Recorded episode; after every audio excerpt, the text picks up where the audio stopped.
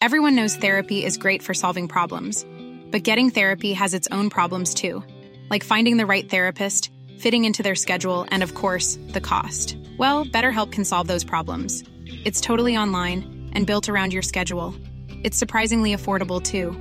Connect with a credentialed therapist by phone, video, or online chat, all from the comfort of your home. Visit betterhelp.com to learn more and save 10% on your first month. That's BetterHelp H E L P. Hey, I'm Ryan Reynolds. At Mint Mobile, we like to do the opposite of what Big Wireless does. They charge you a lot, we charge you a little. So naturally, when they announced they'd be raising their prices due to inflation, we decided to deflate our prices due to not hating you. That's right. We're cutting the price of Mint Unlimited from $30 a month to just $15 a month. Give it a try at mintmobile.com slash switch.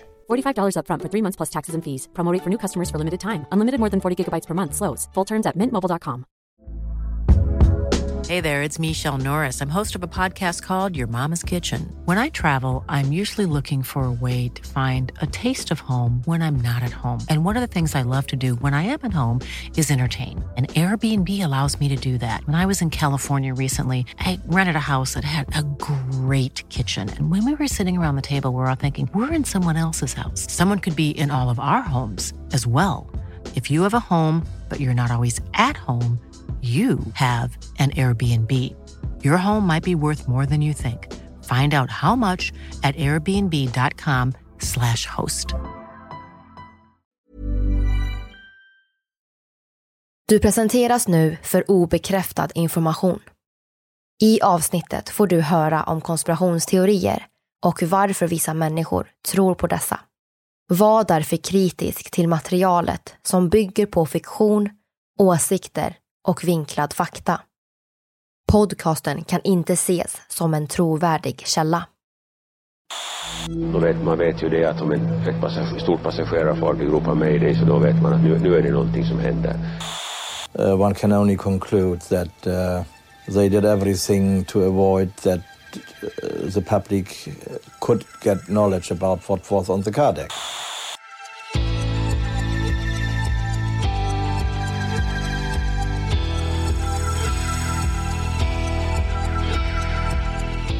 Du lyssnar på Konspirationsteorier. En podcast med mig, Vivi. Och mig, Aida. Och det här är en annan sida av historien om Estonia-katastrofen.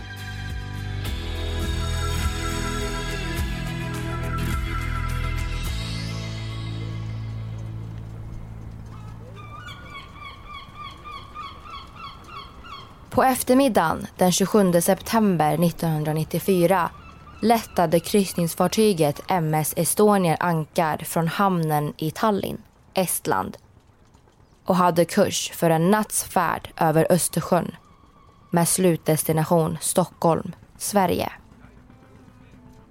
Totalt steg 989 personer ombord men bara 137 av dem skulle få möjligheten att se solens ljus resa sig över horisonten morgonen därpå. Den 28 september 1994 blev natten vi aldrig kommer att glömma.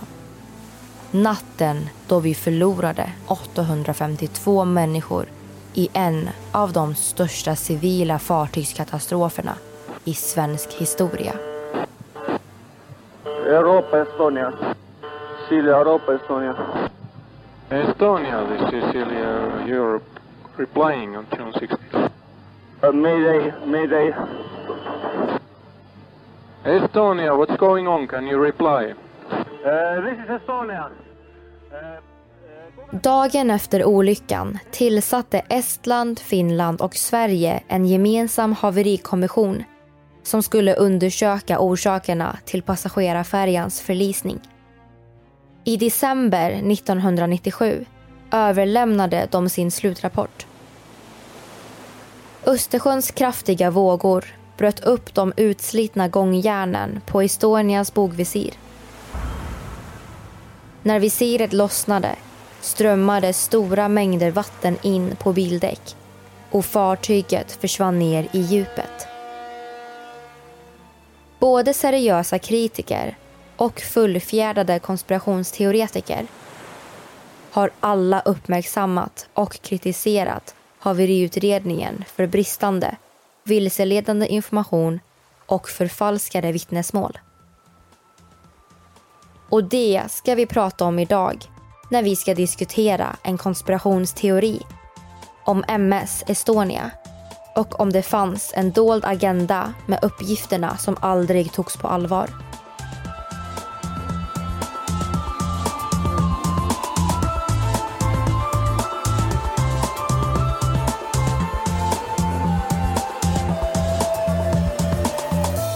Här är en podcast för dig som är intresserad av en annan version av verkligheten. En version som tar upp alternativa teorier, mystiska sammanträffanden och diskussioner om vad som kan vara sant.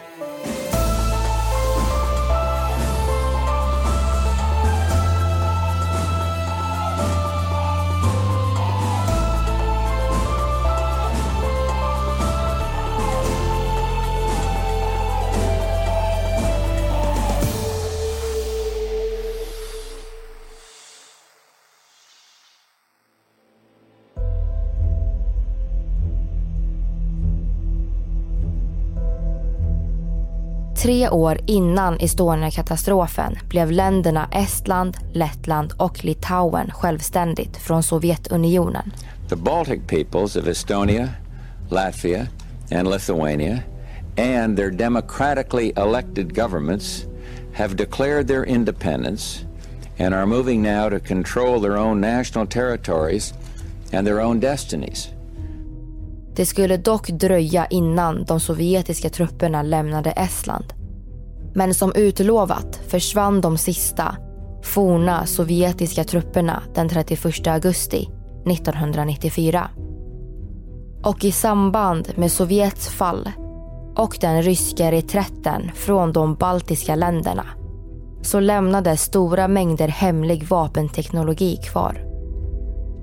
Under kalla kriget hade Sovjetunionen en stark militär position. Militär teknik som tidigare varit total oåtkomlig fanns nu tillgänglig. Något som flera av västvärldens försvarsmakter hade ett starkt intresse av. Och en månad efter att de sista trupperna lämnar Estland så sker en olycka på Östersjön. Natten den 28 september 1994 klockan 01.48 försvinner kryssningsfärjan MS Estonia från radarn.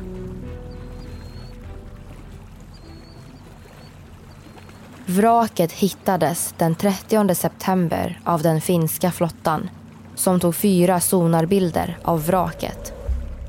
På bilderna ser det faktiskt ut som Estonias bogvisir ligger på botten. Precis intill vraket. Det skulle dock dröja tre veckor innan man officiellt fann Estonias bogvisir. 1,6 kilometer från platsen. Den 2 oktober undersöktes vraket med en undervattensrobot. Det hade då gått två dagar sedan Estonia hittades och fyra dagar sedan katastrofen inträffade. Men på videobilderna kan man se att någon redan varit där. Någon eller några har besökt vraket och öppnat ombordkörningsrampen till lastutrymmet. Under förlisningen skadades rampen hårt och när man försökt stänga igen den efter sig har räcken från insidan gått emot och fastnat. Dessa räcken har då kapats av och kastats på havsbotten utanför fartyget. Och sen har man nästan lyckats få igen den. Och det är här som det blir väldigt intressant. Vraket låg med den 10 ton tunga rampen vänd neråt. Vilket innebär att det krävs avancerad teknik, tid och assistans från ett fartyg ovanför vraket för att kunna komma in i lastutrymmet. Det skulle kanske kunna vara vem som helst. Men det hände någon gång under de första fyra dygnen efter katastrofen. Mellan den 28 september och 2 oktober. och den exakta vrakpositionen hölls hemlig i åtta veckor efter förlisningen. Inte ens haveriutredningen hade den rätta positionen. När de skulle undersöka förutsättningarna att bärga Estonia i början av december 1994 så kunde de inte hitta vraket. Innan dess hade bara den svenska och finska försvarsmakten och en finsk utredare vid namn Kari Lehtola rätt position.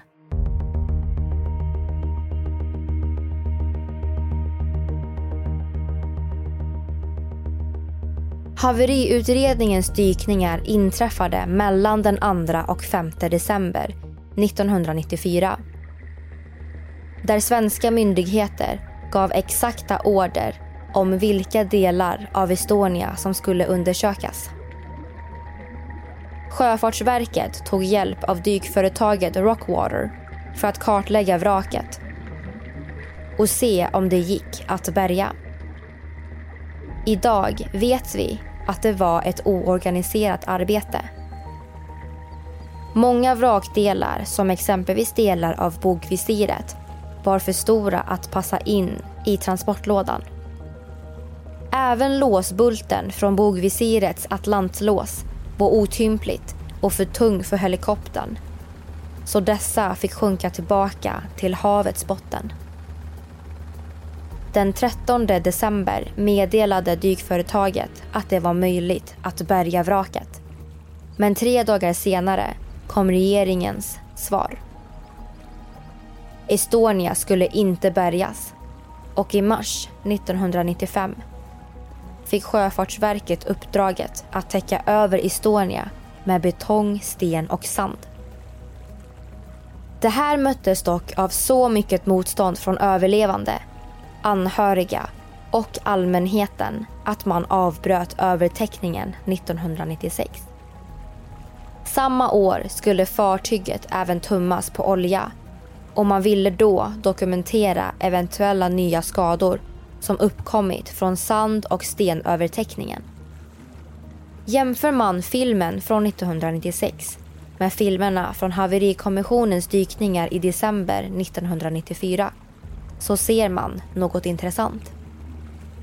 Återigen har någon besökt vraket och denna gång svetsat fast öglor på rampen som sen försökt stängas igen så pass våldsamt att stora stålbalkar böjts eller gått av helt. Det hade alltså skett ännu mer dykaktiviteter vid Estonias lastdäck som inte utförts av haverikommissionen under tiden då Försvarsmakten ansvarat för bevakningen av området. Och de okända dykaktiviteterna fick en helt ny innebörd efter hösten 2004.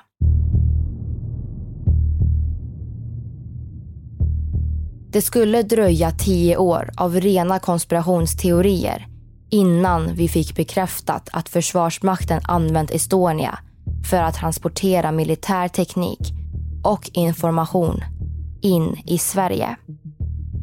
Vid den här tiden var riksdagens konstitutionsutskott redan medvetna om transporterna av militärt material från forna Sovjet och att Försvarets materiellverk anlitat ett privat företag för att föra in det i Sverige via Estonia. Avtalet mellan det svenska försvaret och Tullverket skrevs på 1992 och innebar att tullen skulle släppa förbi laster utan kontroll. Smugglingen sköttes av underrättelsetjänst från både Estland, MI6 samt svenska KSI. Två veckor i rad före förlisningen den 14 och 20 september kom leveranser.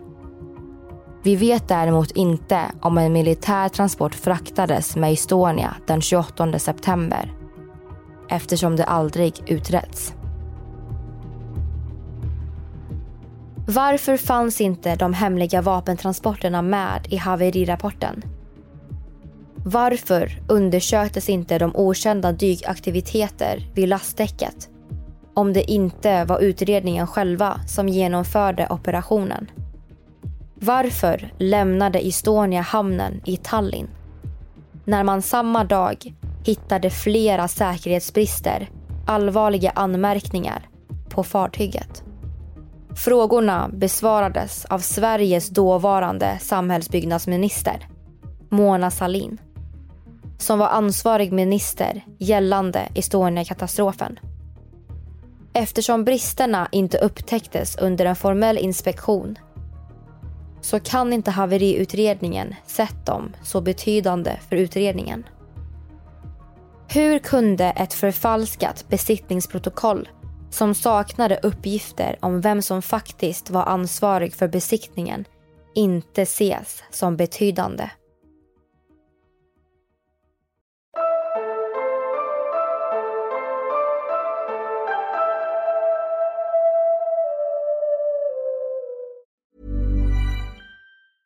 Everyone knows therapy is great for solving problems, but getting therapy has its own problems too, like finding the right therapist, fitting into their schedule, and of course, the cost. Well, BetterHelp can solve those problems. It's totally online and built around your schedule. It's surprisingly affordable too. Connect with a credentialed therapist by phone, video, or online chat, all from the comfort of your home. Visit betterhelp.com to learn more and save 10% on your first month. That's BetterHelp, H E L P.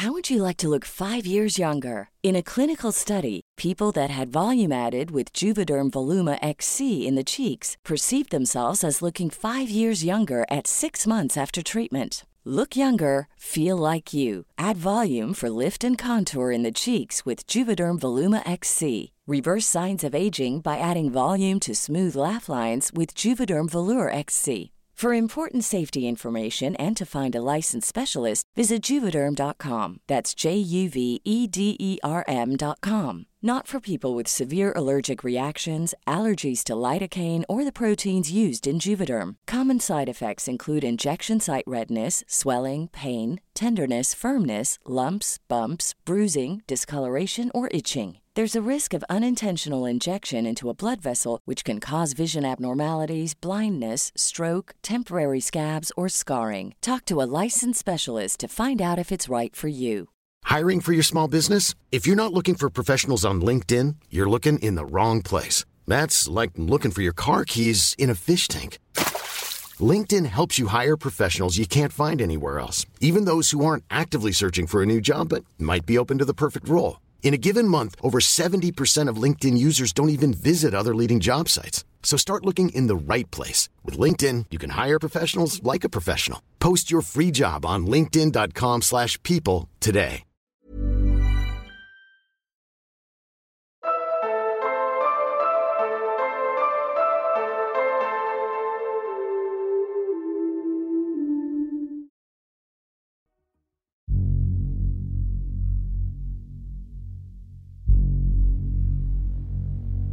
Efter en riksdagsdebatt 2006 fick Statens kriminaltekniska laboratorium, SKL, i uppdrag att analysera bilder och filmer från vrakplatsen.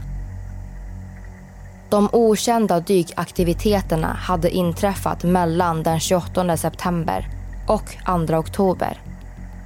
Och även någon gång efter den 6 december 1994. Men av någon anledning fick SKL i uppdrag att undersöka tiden mellan den 2 oktober och 6 december. De skulle alltså inte titta på filmerna som visade att räcken som suttit på insidan kapats av efter förlisningen. Eller filmerna som visade att rampen utsatts för ytterligare skador. Varför uteslöts de datum och tillfällen som var osäkra? Var det ett misstag? Eller ville man inte att SKL skulle hitta det man visste? När SKL senare fick göra om analysen så fick de aldrig tillgång till en film från årsskiftet mellan 95 och 96. Den hade försvunnit. Nu kom vändningen och här påbörjades en utredning där Försvarsmakten ifrågasattes. Mona Salin anmäldes till konstitutionsutskottet för mörkläggning av Försvarsmaktens kunskap om aktiviteter i samband med Estonias förlisning. Många kritiserade haveriutredningen för bristande, vilseledande information och svenska myndigheters hantering av vittnen vars berättelser ignorerades. I brist på vettiga svar valde Estlands regering att ta saken i egna händer. Man ville göra en omfattande ny utredning. Inte någonstans förklarar haverirapporten hur det här kunde hända. Genom åren har Estonia-katastrofen diskuterats flitigt i Sveriges riksdag vid flera tillfällen har viktig fakta presenterats i en önskan att fortsätta utredningarna kring vad som verkligen hände. Under den ödesdigra timmen, natten mot den 28 september 1994. Trots otaliga försök så skulle det ta många år innan frågorna togs på allvar av beslutsfattande. I 26 år har Estonia-katastrofen funnits med i våra tankar. Men under hösten 2020 släpptes en ny dokumentärserie om Estonia-katastrofen på Dplay med ny information och ohörda vittnesmål som tidigare ignorerats. Den 22 september 2020, veckan innan dokumentären släpptes, samlades Sverige, Finland och Estlands toppledare för ett blixtinkallat möte som påstods handla om coronaläget. Men det gjorde det inte. Dokumentären bekräftade nämligen en konspirationsteori om Estonia-förlisningen. Ett fyra meter högt hål i skrovet. Hålet hjälper att besvara en viktig fråga. Hur kunde Estonia sjunka så fort efter att visiret lossnade? Experter har under åren påpekat att det här borde gjort att fartyget slog runt. Men på bara 30 minuter fick vattnet som strömmade in genom lastutrymmet Estonia att sjunka till botten. Den förvånansvärt korta tiden kan jämföras med fartyget Wilhelm Gustloff som 1945 träffades av tre torpeder under vattenytan och sjönk på 50 minuter. Men frågan är bara hur hålet kom dit.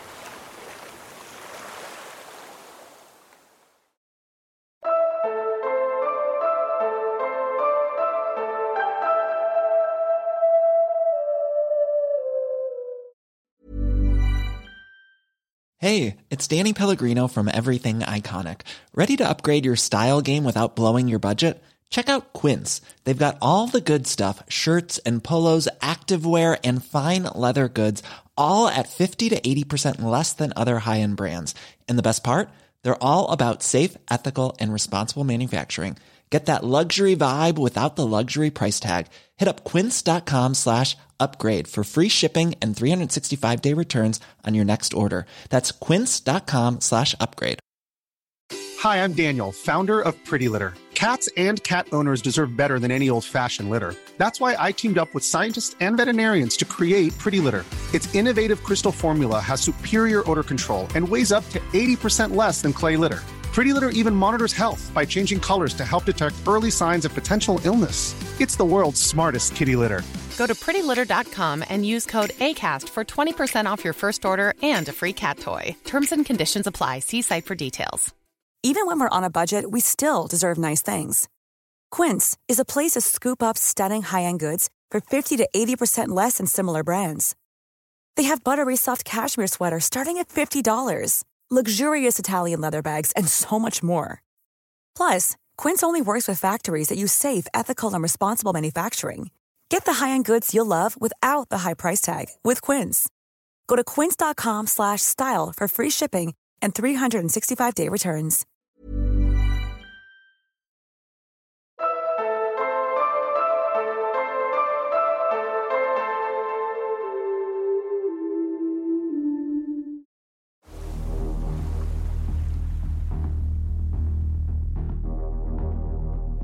Nu kommer vi till delen med konspirationsteorier.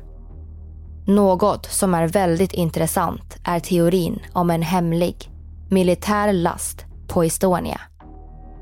Dagen för katastrofen. Flera militära fordon sågs av ögonvittnen köra ombord fartyget precis innan avgång. Om smuggling av militärt material ägde rum under förlisningsnatten så kanske lasten var en motivbild. Vissa konspirationsteoretiker tror att lasten kan ha stor betydelse och man har funderat på om den innehöll något farligt ämne. Eller så kanske olyckan inträffade på grund av att lasten exploderade och rev upp skrovet. I interpellationsdebatten från 2006 diskuteras om de okända dykaktiviteterna efter förlisningen egentligen handlade om ett försök att undanröja misstankar.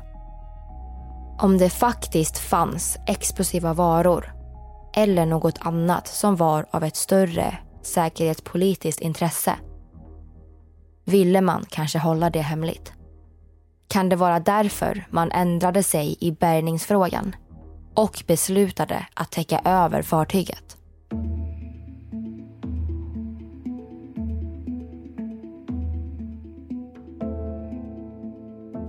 Samtidigt började många fundera om hålet i Estonias skrov kom från en rysk ubåtsattack. Denna konspirationsteori har rötterna i kalla kriget. Den marina teknologin utvecklades i rask takt av både Sovjetunionen och USA och militära transporter ökade längs Östersjöns sydkust. Stämningen mellan Sverige och Sovjetunionen var väldigt kylig. Under 80-talet och fram till 90-talets början rapporterades hundratals ubåtskränkningar även om ett fåtal bara kunde bekräftas. I Sverige var rädslan stor för Sovjets modernisering av ubåtsvapnet och de militära operationerna i Östersjön uppfattades som väldigt hotfulla. Men Sverige och Nato hade ett hemligt samarbete där Sverige skulle få amerikansk hjälp vid en rysk attack. Men kan Sovjetunionen känt till samarbetet och gjort allt för att förhindra att hemlig militär teknik skulle nå Sverige och USA?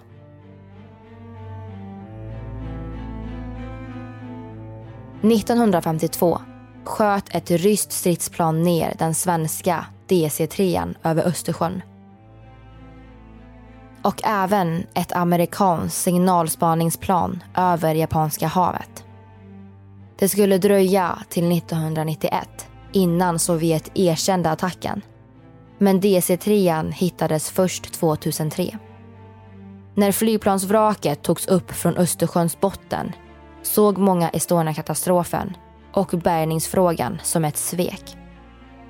Och vissa konspirationsteoretiker började spekulera om både flygattacken och fartygsolyckan var en markering mot Sverige.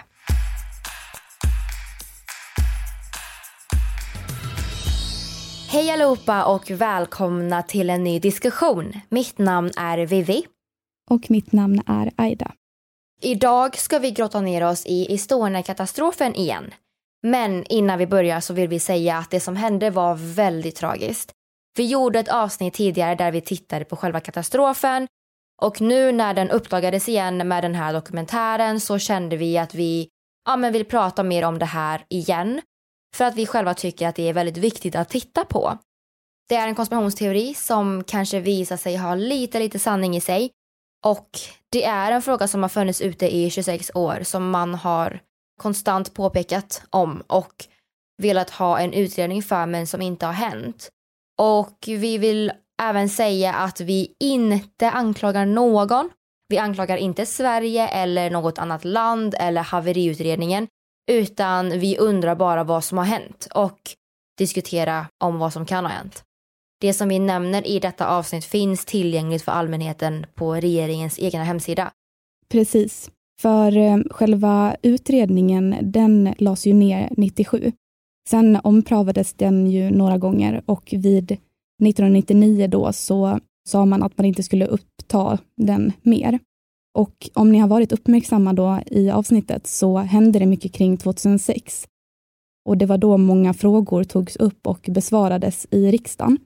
Och samma år skrev även flera riksdagsledamöter ett öppet brev till den nyvalda regeringen då och bad om ett fortsatt arbete med Estonia-frågan. Men eh, jag tror inte att det hände så mycket där och att frågorna låg på is rätt länge. Och att det var först med den här dokumentären Estonia-fyndet som ändrar allt, som släpptes i höstas, som man har börjat diskutera det igen och velat undersöka vraket och ja, men försöka hitta en förklaring till varför färjan sjönk så snabbt. Det som är väldigt intressant är ju att det är ju mycket nya grejer och intressanta grejer som har kommit fram nu med den här dokumentären. Det verkar ju vara som att det är en ny undersökning på gång. Och vi vet också att Försvarsmakten har sagt att man nu kommer att ge tillgång till all hemlig stämplad information. Så vi får hoppas att allt faktiskt kommer med nu i den här utredningen. Och nu efter att vi släpper det här avsnittet så kommer det säkert komma fram en massa mer grejer kring Estonia. Det är ju väldigt spännande och vi får ju hålla utkik nu framöver. För vi vet ju nu att utredningen, ja men de har börjat titta på ritningar och kartläggningar av bottenförhållanden. De har också börjat undersöka bogvisiret, eller om de kanske är klara med det. Skrovkonstruktionen, material, påbörjat samtal med vittnen. Så att det är väldigt bra alltså att det händer någonting. Vi vet också att Estland har velat undersöka Estonias förlisning under en lång tid. De tillsatte till och med en expertgrupp som har påpekat att alla obesvarade frågor gör att vi inte kan utesluta alternativa förklaringar till Estonias förlisning. Och det är ju de här alternativa förklaringarna som vi har tagit upp i både förra avsnittet om Estonia och det här avsnittet. De i Estland då tyckte ju att det var underligt att dykare hade tystnadsplikt och att man måste filma och inspektera skrovet i detalj eftersom att ja, men det inte har gjorts. Och efter dokumentären på Dplay släpptes så gjorde Estland, Finland och Sverige ett gemensamt uttalande. Där kom de överens att gemensamt titta på de nya uppgifterna och att de är villiga att utreda vad som faktiskt har hänt. Men intressant då, för veckan därefter det uttalandet så gick Sveriges inrikesminister och sa nej då till att man inte vill undersöka om det fanns någon militär utrustning ombord på Estonia under olyckan eftersom att vi då kan förlita oss på de tidigare undersökningarna och utredningarna av det här. Och det är faktiskt väldigt intressant tycker jag. För att de finns ju faktiskt inte riktigt med i den här haveriutredningen som har gjorts. För vi vet ju också att SKL fick i uppdrag att analysera videomaterial från vraket men under en tidsperiod som man redan var säker på. Och det har faktiskt hänt liknande då med de här militära transporterna. För när det avslöjades att det hade förekommit militära transporter på Estonia, alltså genom den här Uppdrag granskning och ja, men vid 2004, då så meddelade då Göran Persson, som var vår statsminister, att regeringen skulle undersöka det här och då fick Johan Hirschfeldt uppdraget att citat kartlägga huruvida Försvarsmakten eller Försvarets materielverk transporterat försvarsmateriel ombord på MS Estonia under september månad 1994. Och då konstaterade han att det inte fanns någon grund att anta att Försvarsmakten eller Försvarets materielverk transporterade något under den sista resan. Och det här är ju då någonting som har Ja, men konspirationsteoretiker har tyckt att det här har varit underligt. För att man undersökte då bara Försvarsmakten och Försvarets materielverk under 94. Men man tittade då inte på andra militära transporter eller på andra årtal än 94. För att man vet ju till exempel då också att bilen som transporterade militärt material den 14, alltså veckorna innan, tillhörde ett annat företag. Så det hade ju kanske varit intressant att titta mer på andra saker som förekom, inte bara Försvarsmakten. För då man tittar tillbaka till exempel på kalla kriget och den tiden som var därefter så vet vi ju att det förekom många militära transporter på Östersjön. Och vi vet ju då också att både Sovjet och USA satsade på att utveckla deras marina teknologi. Det var också en kyl, rätt kylig stämning på den här tiden. Då man tittade mer på andra saker som kan ha hänt så kanske det kan hjälpa oss att förstå det här med Estonia. Och då om det här hade något större säkerhetspolitiskt intresse så kanske det är därför det har varit så hemligstämplat. Vi får väl hoppas att sanningen kommer fram till slut. Och Estland då, de vill ju undersöka Estonias vrak och de vill göra det före nästa sommar. Och de vill ha ett godkännande från Sverige och Finlands regering innan dess. Så det verkar kanske som att de fortsätter att planera undersökningen av Estonia-katastrofen även om det kanske inte då skulle involvera Sverige. Men det återstår ju att se. Men japp, hörni, det här var då det sista avsnittet för i år. Och eh, nu kommer vi ha ett uppehåll för att fortsätta jobba med podden och sen är vi tillbaka nästa år. Men vill ni ha lite mer konspirationsteorier så kan ni faktiskt gå med i konspirationsteorier eftersnack för där har vi en adventskalender med lite roliga små teorier.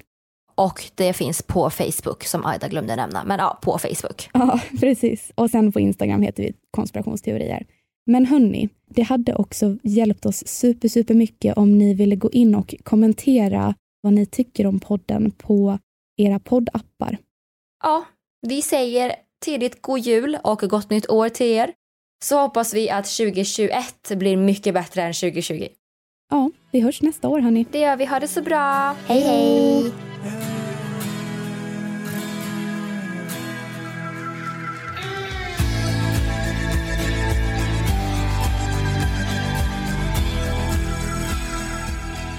Du har lyssnat på podden Konspirationsteorier, avsnittet om Estonia-katastrofen som gjordes vintern 2020.